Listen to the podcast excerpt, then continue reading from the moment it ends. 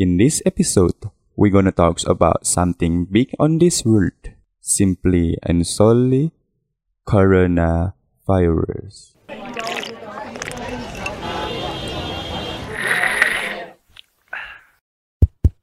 Welcome back to your house, Imron Effendi and Muhammad Taufik. Oke, jadi di sini kita bakal bahas suatu topik yang lagi hangat banget kayak Hangat banget. kayak kue pancong yang baru diangkat. Masih panas masih hangat. Apa itu? COVID-19, COVID-19 aka Coronavirus Disease. oh by the way corona itu sendiri adalah suatu virus yang merujuk pada virus yang sering ditemukan menginfeksi pada binatang. Tapi bisa juga menyebar ke manusia. Jadi awalnya dari binatang terus entah binatang itu dikonsumsi kita kayak nyucinya kurang bersih atau apa gitu Ya, itu tapi bukan berarti si virusnya tuh bukan dari manusia ke binatang. Nah, coronavirus itu saat ini mewabah dan menyebabkan penyakit COVID-19. Jadi COVID-19 itu nama penyakitnya, coronavirus itu virusnya. Mm Iya kan, COVID ya itu tadi. singkatan, Coronavirus Disease. Ah, kalau kata orang Sunda mah COVID, copit, dari Ridwan Kamil. dari Ridwan Kamil, COVID-19.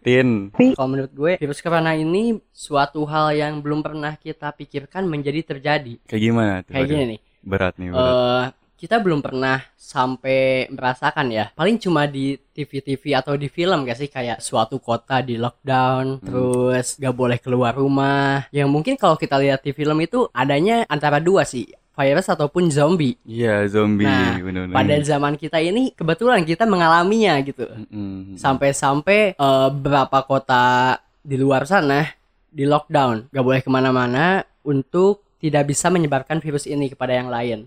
Maka dari itu pemerintah pusat di Indonesia pun sampai saat ini masih meminimalisir untuk pergi keluar rumah. Eh, penyebaran virus ini tuh cepat banget. Salah satunya dari salaman pun itu bisa sampai virusnya menular ke mana-mana. Oh ya ngomong-ngomong tadi lockdown gitu-gitu kan biar orang tuh nggak Gak pada keluar rumah. iya nggak pada keluar rumah terus social distancing juga biar kita seenggaknya kita nggak nularin gitu loh Iya. kan kita juga nggak tahu kita Meminimalisir. mm, meminimalisir is- ya meminimalisir buat terkena dan menularkan gitu tertular dan menularkan by the way ngomongin penyebaran virus corona lo tau gak sih gimana caranya dia menyebar Sebenarnya gue belum belum lebih tahu tentang penyebarannya sih Ron. Cuman yang gue tahu itu katanya dari Wuhan. Cuman nggak tahu sih. Itu bener gak sih yang lu dapat? Kalau dari Wuhan, aduh, agak sensi sih ini soalnya. Oh. Soalnya gue pernah baca artikel di mana ada satu, pokoknya ada gitu yang bilang ke China bahwa coronavirus ini dari China dan China nggak mau. Iya. Coronavirus ini bukan dari negara gue gitu. Sama coronavirus ini musibah dan kebetulan aja di negara gue. Tapi gitu. kan eh, belum tahu juga gitu iya kan. belum tahu juga. Kalau kalau di pikirannya kayak gini sih kayak kayak eh eh, panuan tuh dari mana sih dari Indonesia wah dapat ke Cina enggak juga kan padahal sebenarnya bisa jadi di luar juga Iya. udah ada cuma namanya beda gitu Mm-mm. Cuman yang gue pikir ini tuh ada salah satu ada salah satu konspirasi juga sih bang. Ini gue baca katanya Wuhan tuh kota biologis yang selalu melakukan percobaan-percobaan tentang perobatan-obatan kayak gitu kan. Dan Hmm. katanya ini katanya nih ya bahwa Wuhan tuh melakukan senjata biologis dengan menularkan virus ini. Aduh. Iya, gue juga tahu tuh yang soal itu juga yang bahkan ada semacam laboratorium khusus ya. Mm. Laboratorium khusus buat penelitian biologis gitu lah istilahnya. Mm. Tapi kalau kata gue sih ya, ya ya gue mau ngomong apa ya, maksudnya bukan ranah gue buat ke situ. Gue juga nggak tahu eh, gimana caranya, terus pikiran mereka juga gimana. Gue nggak tahu. Intinya ya coba positive thinking aja lah. Kalau misalkan bener enggaknya mah, ya udah nanti juga kita tahulah dengan sendirinya. Let Soalnya ini kan flow. cuman cuman konspirasi doang apa ya? Se- Seenggaknya Iya. ex- expect-nya kayak gitu gitu teman-teman. yang mungkin dikira bisa jadi seperti itu bisa jadi enggak soalnya kita juga kan belum belum ada klarifikasi dari Wuhannya juga dan mungkin itu kalau sebenarnya iya pun mereka nggak bakal ngasih tahu juga gitu kan soalnya mereka yang sengaja cuman yang kita butuhkan tuh cuman fakta ya kan Mm-mm. yang kita lihat sekarang ini belum ada tanda-tanda apa yang pasti bahwa COVID-19 ini sesuatu hal yang emang sudah sewajarnya, sudah sewajarnya kita sikapi hingga akhirnya kita pun harus waspada gitu. Hmm. Kita tidak boleh menyerahkan satu pihak, cuman yang harus kita sadari itu bagaimana kita menanggapi dari virus ini sebagai cara imunisasi tubuh. Ya intinya kita harus lebih aware aja sih, lebih jaga kesehatan, lebih jaga kebersihan diri gitu. Nah, yang tadi soal penyebaran virus corona itu kan belum kejawab ya. Nah, penyebaran virus corona itu diduga ditularkan dari ular dan kelelawar. Kemudian penularan dari manusia ke manusia itu lewat droplet atau biasa dikenal partikel air liur ketika si orang tersebut, si penderita tersebut bersin atau batuk. Jadi makanya di apa sih namanya diperkenalkan kepada masyarakat publik biar kita tuh jaga jarak gitu loh. Istilahnya kayak social distancing tadi. Ya, Distancing, distancing. ngomong-ngomong tentang social distancing, kita kan di kos nih Yaron. Heeh. kita di kos dengan perkuliahan online segala hal yang online kita memakai jaringan. Namun yang menurut lo enak atau enggaknya kerja online gimana sih? Kalau menurut gue pribadi sih ya terkait kuliah online atau pekerjaan yang biasanya dilakukan di kantor terus kita kerjakan di rumah atau di kos gitu. Itu tuh sebenarnya udah dijalankan, udah dilakukan dari dulu. iya Kayak sih cuma beda istilah. Kalau misalkan kita sekarang ada istilahnya remote working and work from home. Dan apa itu remote working? Ya nggak jauh-jauh dari kita membawa pekerjaan kantor kita di rumah kita. Iya. Kemudian remote working juga kayak kita bisa memantau pekerjaan di luar kita walaupun kita di rumah gitu. Mm, emang kayak gitu sih Ron yang pekerjaan-pekerjaan yang gue tahu ya kayak startup dengan memakai UX designer atau UI Mm-mm. designer itu emang memakai remote working dari zaman dulu itu emang udah ada bukan zaman dulu ya buk maksudnya bukan dari sekarang gitu nah namun Udah ada yang yang ngelakuin lah ya. Mm-mm, udah ada dari dulu. Cuman yang kita ketahui bahwa pendidikan tuh masih remote studying kali ya kalau disebutnya itu remote studying kayak gitu kalau menurut gua tuh belum terlalu efektif. Seperti halnya adapun ruang guru ataupun Zenius ya yang kita ketahui itu eh, sesuatu platform belajar mengajar basis online.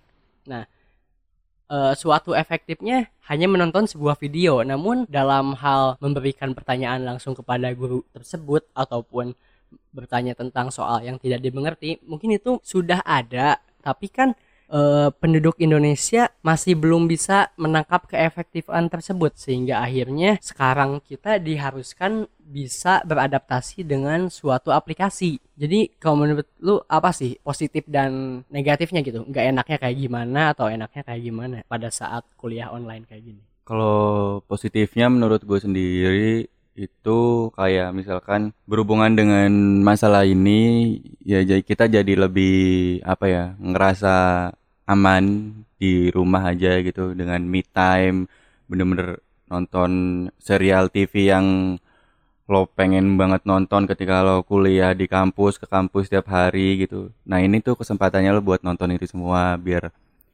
ya satu sisi juga lu jaga kesehatan gitu loh biar nggak tertular segala macam.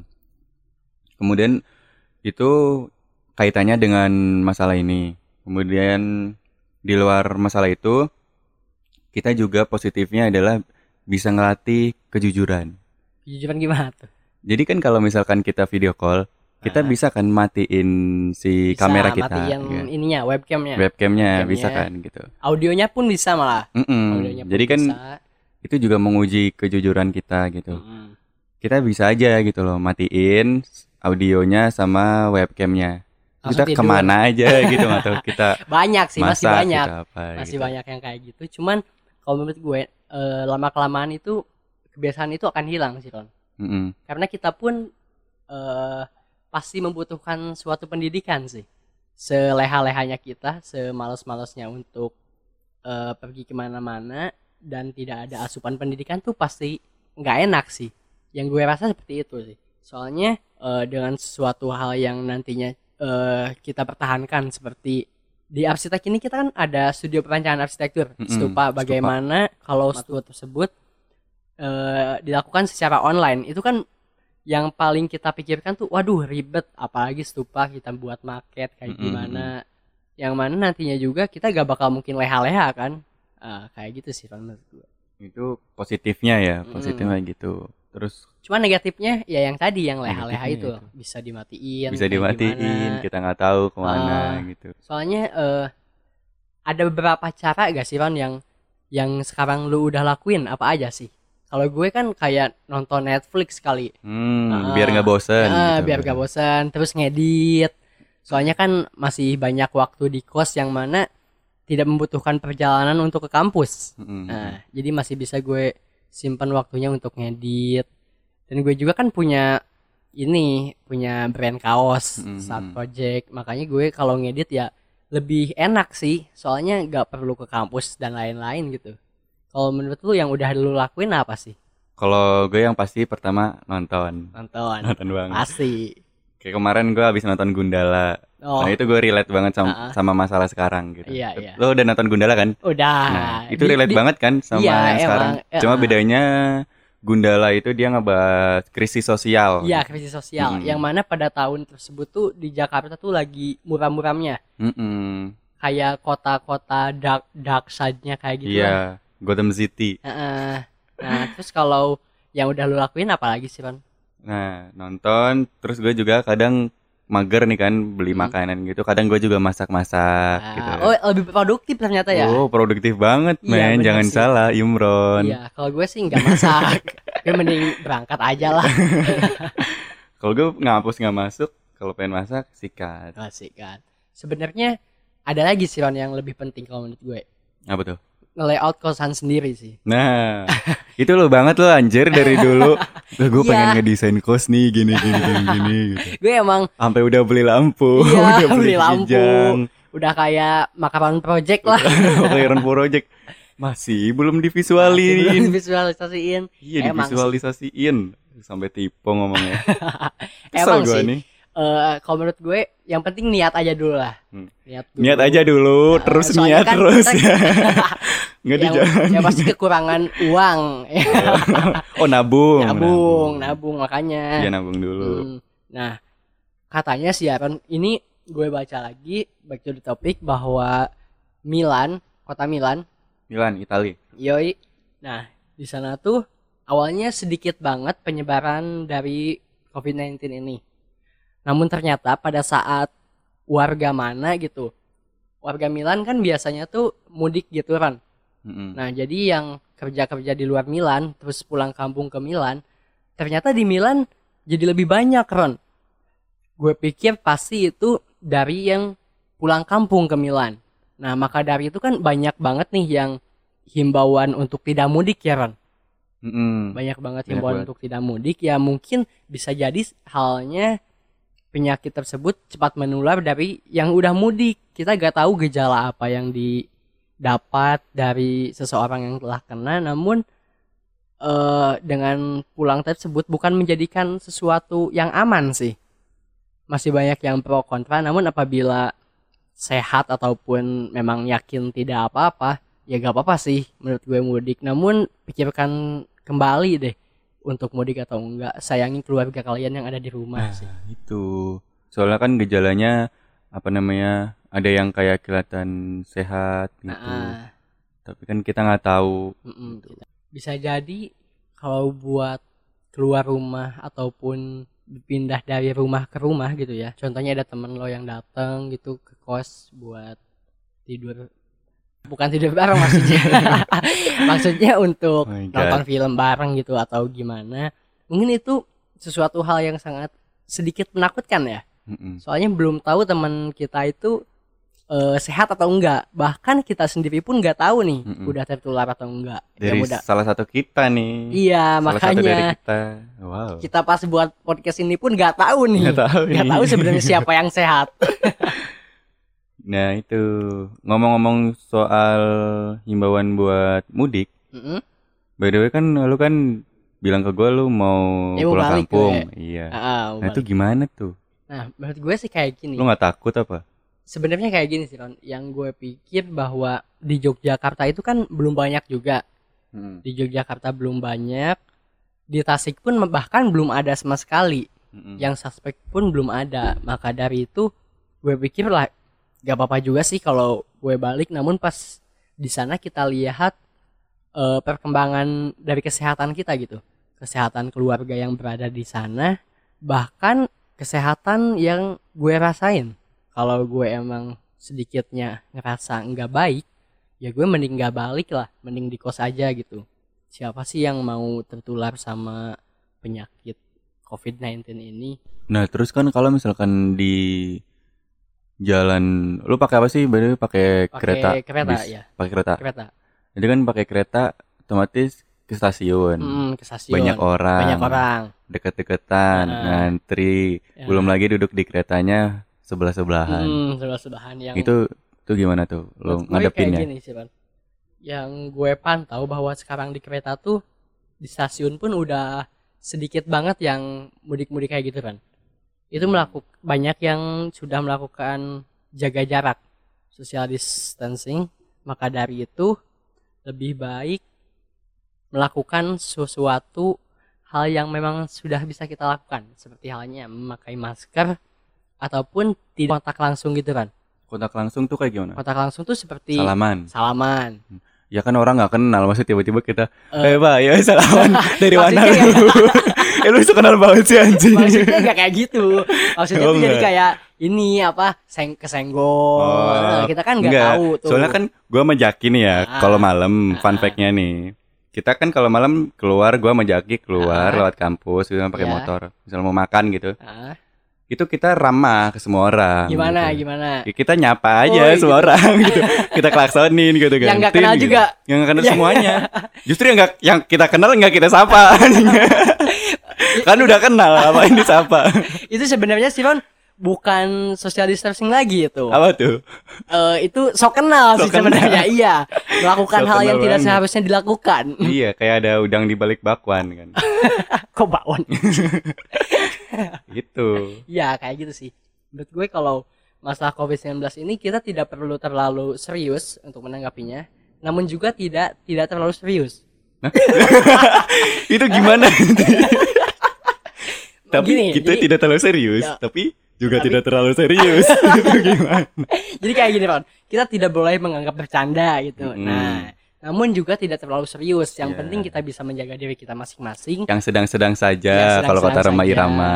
Ah. Jangan berlebihan. Iya, jangan berlebihan bahwa sebenarnya Tuhan pun tidak menyukai orang yang berlebihan. Iya itu. Uh, maka dari makanya. itu kita harus uh, stay safe semuanya yang berada di kosan ataupun di rumahnya masing-masing sehingga bisa memanfaatkan waktu yang ada di rumah masing-masing. Mau itu nonton Netflix bisa jadi uh, ngedekor kosan Ngedekor kamar. kosan. Oh piknik, dekor kosan, ngedit ya Ron? Ngedit, Uh, ngerjain stupa heeh, ataupun baca buku. Baca buku. Menurut gue sih baca buku sih yang lebih pasti kalau menurut gue gak ada kerjaan sempatin lah untuk baca buku. Yang mana kalau buku tuh jendelanya dunia kan. Bener. Heeh. Kalau nggak ada jendela kan pengap. Eh ya. Ada cahaya, Nah, nggak ada pintu angin. kelebaran juga. Kelebaran juga. kelebaran juga. Nah, maka dari itu kita harus bisa untuk memaksimalkan hal tersebut lah dengan cara mencegah virus corona. Ya Ron, kayak gimana sih kalau menurut lo mencegah virus corona itu? Nah, mencegah virus corona itu gimana sih caranya? Yang pertama pasti kita harus rutin cuci tangan dengan Ah. sabun antiseptik gitu kan. Contohnya kayak gimana sih? Gue sebenarnya nggak tahu sih antiseptik tuh kayak gimana. Antiseptik tuh kalau setahu gue ya Heeh. di produk kemasannya nih, di kemasannya si sabun itu tuh dia kayak ada keterangan bahwa ada antiseptik. Mm-mm. Apa sab- sabun antiseptik Oh, gitu, terus mm, mm. Jadi antibakterial. tertulis ya. Heeh. Nah. Adalah itu satu salah satu merek juga yang banyak diborong tuh sekarang. Oh, mm, benar-benar. Nah, itu cuci tangan, kapan kita harus cuci tangan? Itu kayak misalkan kita habis dari luar, habis pegang benda-benda fasilitas publik, misalkan railing tangga, gagang Oh, iya, pintu. iya. Yang biasa dipegang ya. Mm-mm. Nah, terus mau makan, se- se- sebelum makan sama sesudah makan juga kita cuci tangan. Kemudian misalkan tidak memungkinkan kita cuci tangan, kita bisa juga pakai cara lain. Contohnya? Kita bisa pakai hand sanitizer dengan kadar alkohol tuh minimal 60%. 60% Heeh. minimal. Tapi jangan diminum ya alkoholnya. jangan, jangan. Kalau contohnya pakai minuman beralkohol bisa gak sih cuci tangannya? Waduh, nggak bisa Oh, itu. nggak bisa. Kan itu sebenarnya bukan alkohol murni. Kalau di Oh, sini tuh mm. alkohol murni 60%. Oh iya iya. Kalau Ya, yang- emang dikhususkan untuk luka. Iya, Oh iya iya. luka hati. Soalnya emang bener sih Ron. Gue udah baca juga di beberapa postingan Instagram yang mengkhususkan untuk cuci tangan memakai sanitizer. Mm. Karena susahnya mendapatkan hand sanitizer sekarang, bahkan banyak step by step untuk membuat hand sanitizer. Ya yang tadi disebutin itu yang Mm-mm. 60% alkohol, ditambah autan, ditambah gula, ditambah baby oil, tambah kayu putih. Tambahin aja. Oplosan, Oplosan. oplosan. ya, sih. Tapi ya, sebenarnya hand sanitizer sama sabun cuci tangan antibakterial itu Hmm. itu lebih ampuh sabun cuci tangan itu. Iya sih. Mm-mm. Tapi eh perspektif eh bukan perspektif ya, apa ya? Habitat sih. Habits, habits. Iya. Habitat tuh kira hewan. habits sih, Ron. Habit. Kalau menurut gue kayak gini sih, kalau seseorang yang selalu sanita- hand sanitizer, nantinya kuman-kuman tuh ya emang udah kebalnya tuh pakai hand sanitizer gitu, bukan pakai sabun. Nah, kalau orang-orang yang belum terbiasa pakai hand sanitizer ya lebih baiknya pakai sabun. Nanti juga kalau kuman akan beradaptasi sendiri gitu dengan sesuatu hal yang sering kita pakai. Gimana kalau seperti halnya kayak gini sih kan? Ada seseorang yang mandi selalu di air yang kotor gitu. Pada saat mandi di air yang bersih, sekalinya di air yang bersih, bisa jadi orang tersebut sakit juga, Ron. Padahal airnya bersih. Adakah orang yang Ada. mandi di air kotor? Enggak, maksudnya kayak gini lah di pinggiran-pinggiran su- sungai, Oh. kali kan ada tuh yang Iya kayak iya iya. Heeh, yang kayak gitu. Terus sekalinya mandi di yang bersih tuh langsung kena iritasi kulit. Nah, karena ya biasanya kuman-kuman tuh udah kebal gitu. Bahkan eh, yang awalnya kita takuti, mereka kuman mereka sudah bisa beradaptasi dengan hal itu. Nah, makanya kita juga harus lebih mengetahui adaptasi dari diri kita masing-masing gitu. Yang pasti sih corona ini mempunyai sesuatu hikmah ya, Ron Mm-mm. mungkin kita gak tahu yang telah dikasih tahu tadi oleh Imron kalau dunia tuh butuh istirahat hingga akhirnya polusi-polusi udara hilang dan juga mungkin kita nggak tahu untuk ke depannya remote working ini akan terus berjalan bahkan hingga revolusi industri kita Mm-mm. gak tahu Ya itu sih gimana step by stepnya pencegahan dari virus coronavirus itu. Ya mencuci tangan, pakai sabun antibakterial, terus pakai hand sanitizer kalau ada, terus social distancing tadi, terus ada nih ini kebiasaan kita setiap hari apa tuh kayak sering banget nyentuh-nyentuh muka, hmm, bener, terutama hidung, mata, terus bener. dahi dahi, telinga. telinga Ya pokoknya itu. Nah gue- kan soalnya kan tangan banyak banget ya kita setiap hari kita nggak terhitung gitu nyentuh habis nyentuh benda apa aja. Bagi Iya. kita scroll HP kan main HP gitu. HP itu kan layar HP banyak banget itunya iya sih. bakterial segala macamnya. Dan kita nggak tahu di situ ada virus itu atau enggak. Iya. Amit-amit sih. si apa ya sumber dari virus tuh ya tangan kita sih Mm-mm. Selain kita tahu bagaimana caranya mencegah coronavirus ini, Hmm. kita juga harus sebenarnya hal ini emang bagian dari etika kita sih yang bukan cuma ada karena coronavirus ini tapi udah diterapin dari dulu dari kita masih kecil contohnya tuh? kayak menutup mulut gitu. Misalkan kita bersin, kita tutupin pakai siku gitu. Soalnya kalau kita bersin terus kita tutupin pakai tangan, habis itu kita salaman, ya kelar hidup lu. Iya. Heeh. Kayak Iya sih. transfer kuman, transfer virus, transfer bakteri. Mungkin kita eh masih memakai tangan ataupun masih memakai tisu, cuman lebih baiknya pakai siku ya. Mm-mm. Pakai siku. Pakai tisu sebenarnya bisa, tapi Pakai langsung tisu. dibuang. Oh, langsung buang. Yang Oh iya. itu pakai Gimana lagi. kalau sapu tangan, Ron? sapu tangan bisa, Bisa tapi kalau misalkan langsung cuci. Enggak juga. Enggak juga kan, enggak bakal bisa. bersin, ya sebisa mungkin ditaro. Kan biasanya kita kalau misalnya pakai sarung tangan, eh sapu tangan, Heeh. Kita bersin atau batuk it- itu di- ditutupin kan mulutnya Tutupin. pakai sap- sapu tangan itu. Eh, matanya. Masa bersin di mata, di mulut gitu kan. Terus Ya, habis ya. itu kita lipat, biasanya kita masukin kantong kan. Mm, mm, mm. Nah Iya, itu pas iya. dimasukin kantong, nggak tahu tuh Nah, kantongnya persebaran tuh, bakterinya eh, gimana di kantong itu kan. bisa jadi kalau batuknya berdahak kan itu dahaknya kena kantong. Ya tapi kita nggak sebego itu juga. Ada dahaknya ya kita lihat lah anjir. Iya sih emang harus dibenahi juga sih. Mm-mm. Sesuatu hal yang memang awalnya sepele, namun hal itu menjadi sesuatu yang benar-benar menakutkan ya. Iya. Terus ngebuang misalkan kita tadi bersin nutupinnya pakai tisu. Mm-mm. Kita ngebuang ke tempat sampahnya juga diusahakan kalau misalkan ada tempat sampah yang tertutup, kita buang di tempat sampah yang tertutup. Hmm. Soalnya tisu itu kan benda yang ringan banget ya. Iya. Kalau misalkan kita habis bersin terus kita taruh di tempat sampah yang terbuka, terus ada angin gitu kan kita nggak tahu, tahu-tahu terbang terus kena muka Oh, orang iya, gitu iya. kan. Ya jadi memang harus benar-benar diperhatikan Mm-mm. bahkan sampai detail banget gitu ya. Sampai detail banget. awalnya dari mana hingga berakhir di mana gitu ya. Mm-mm. Kalau sampah tuh kayak awalnya kita konsumsi, kita pakai, diproduksi, dikonsumsi, didistribusikan hingga akhirnya berakhir di tempat pembuangan akhir gitu ya. Mungkin seperti itu. Nah, kenapa kita harus cuci tangan menggunakan air dan sabun atau hand sanitizer di duet gitu, duet maut antara sabun dan hand sanitizer?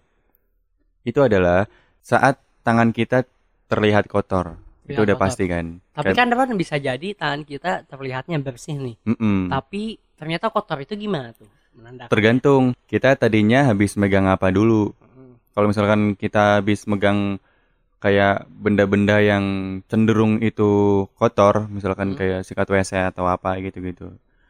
Itu kan kayak kita habis megang itu kan tangan kita nggak kotor kayak yang hitam terus ada apa gitu kan nggak juga. Ya. Tapi kan kotor dalam artian kita kena bakteri, ada bakterinya lah pokoknya gitu.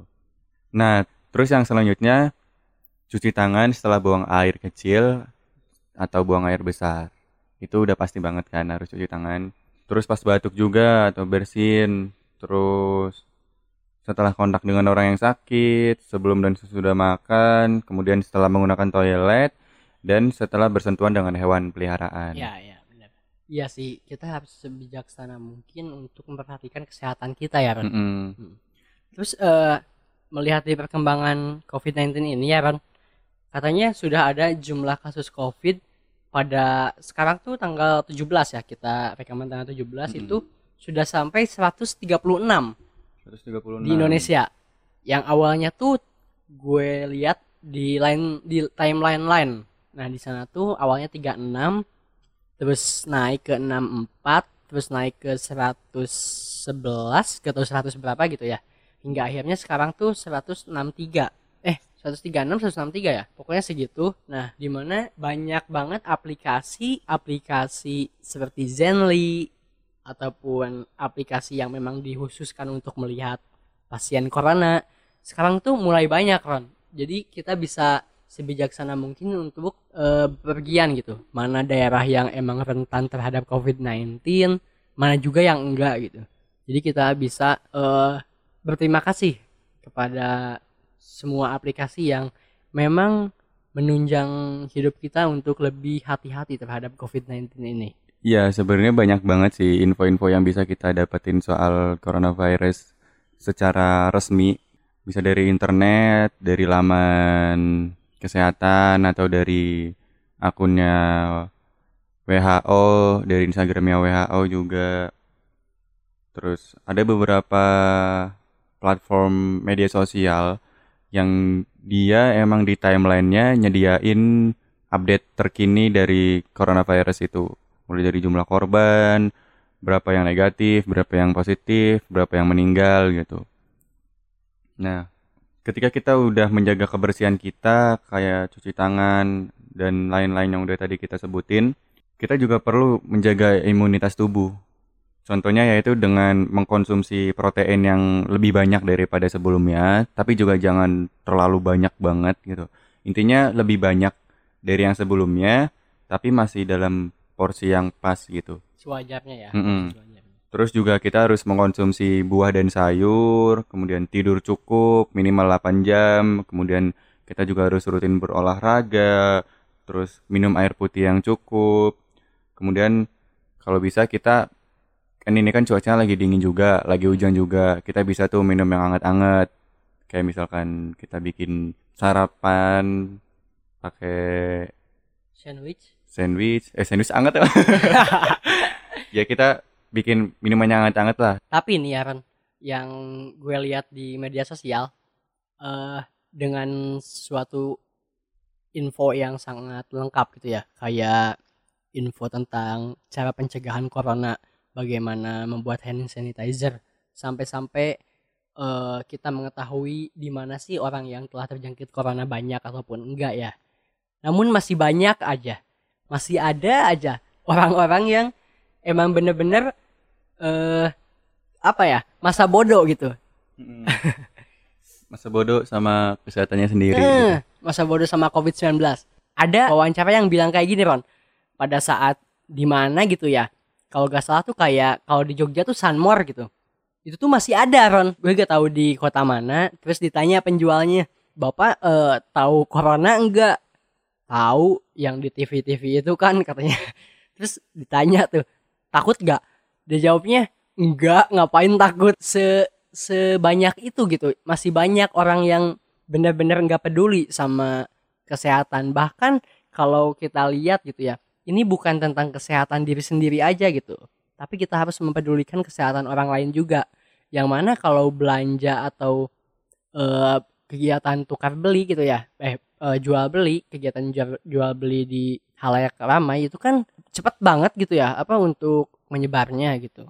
Maka dari itu gimana sih caranya biar eh, menyadarkan orang-orang yang kayak gitu Sebenarnya orang-orang yang kayak gitu sebenarnya dia bukan berarti dia tidak peduli sama kesehatannya sih, bukan berarti dia nggak peduli gitu. Kayak bodoh amat, kayak nggak takut apa segala macam.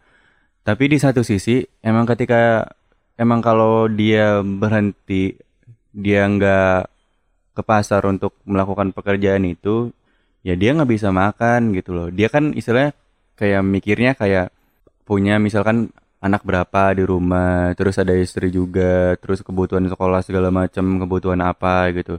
Nah, sedangkan si bapak itu, misalkan si bapak itu emang bener-bener satu-satunya tulang punggung di rumah itu gitu, di dalam satu keluarga itu.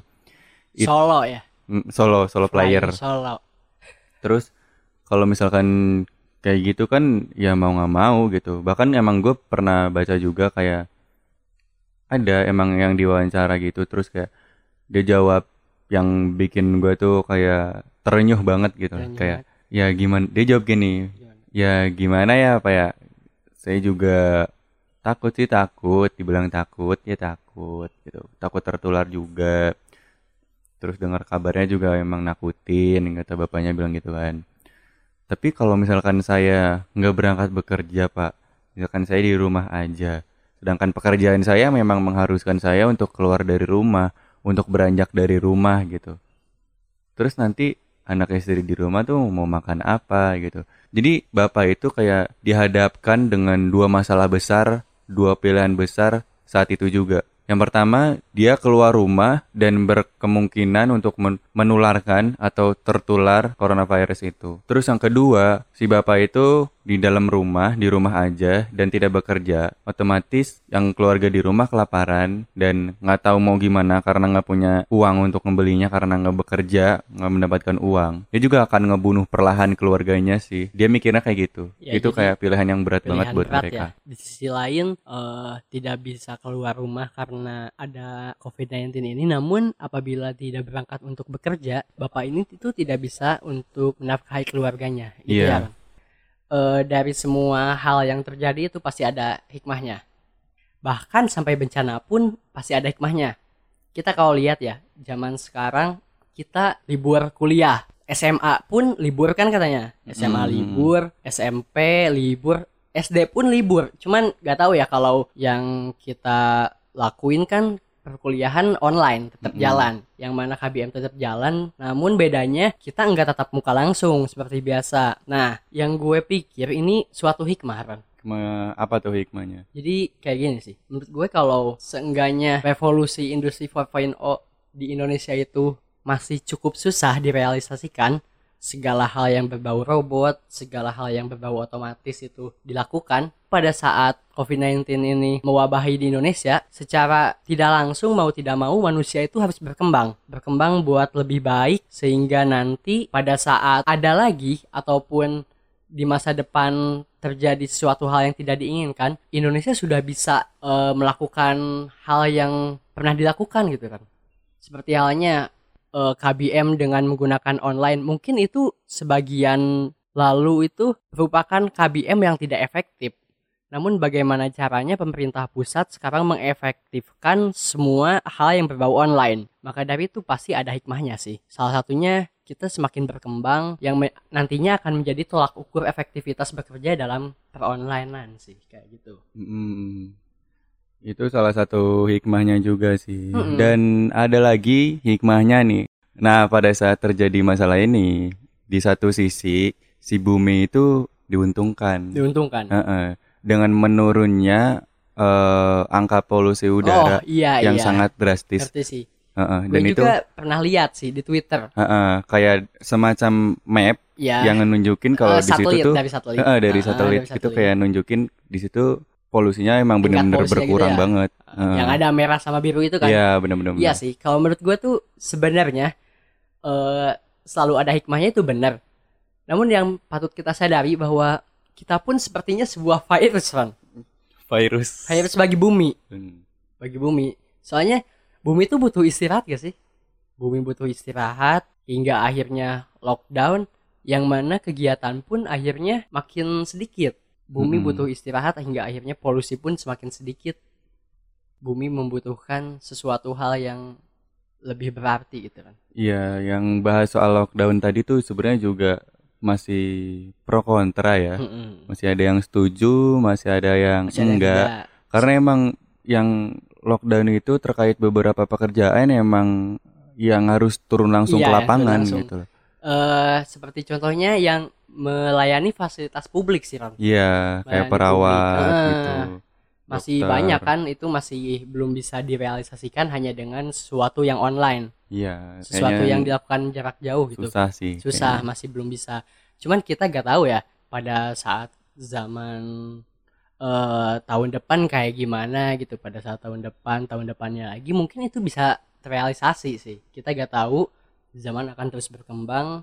Namun pada saat ini emang masih belum bisa. Iya, benar-benar benar. Jadi hikmah yang bisa kita ambil menurut gue adalah be aware, jaga kesehatan kalian masing-masing, jangan terlalu berlebihan juga dalam hal apa pun. Jangan terlalu konsumtif juga untuk membeli sesuatu barang-barang kebersihan terlalu berlebihan yang akhirnya akan menghabiskan stok dan orang lain juga yang pengen jaga kebersihannya juga nggak kebagian buat beli alat kebersihan itu. Dan yang pasti semua yang berada di dunia ini stay safe semuanya. Tetap menjaga kesehatan masing-masing. Karena kita bukan hanya tentang menjaga kesehatan diri sendiri namun menjaga tentang kesehatan eh, orang-orang terdekat kita. ya kita juga nggak boleh egois. Bukan cuma kita doang yang pengen jaga kesehatan. Orang lain juga pengen dirinya sehat baik-baik aja. Ya intinya kayak bener tadi yang dibilang Opik. Kita itu menjaga kesehatan diri kita dan orang-orang terdekat kita dan semua orang yang ada di sekitar kita kita juga ikut berperan dalam menjaga kesehatannya gitu. Sehingga dengan menjaga kesehatan sendiri itu sudah dapat membuat kesehatan orang lain pun aman. Mm-mm, bener banget. Bahkan dari sudut pandang orang-orang pun akan lebih hati-hati terhadap orang yang emang benar-benar kurang menjaga kesehatannya ya, Ron. Yap. Ya, mungkin uh, this is the end of our topic. Dan semua pembicaraan kita adalah pure dari perspektif kita masing-masing. Ya. Tidak dipengaruhi pihak mana pun. Iya, dan mohon maaf apabila banyak salah kata dari Hmm. sesi Night Talks ini. Yep. I'm Muhammad Taufik. And Imran Effendi. See you next time.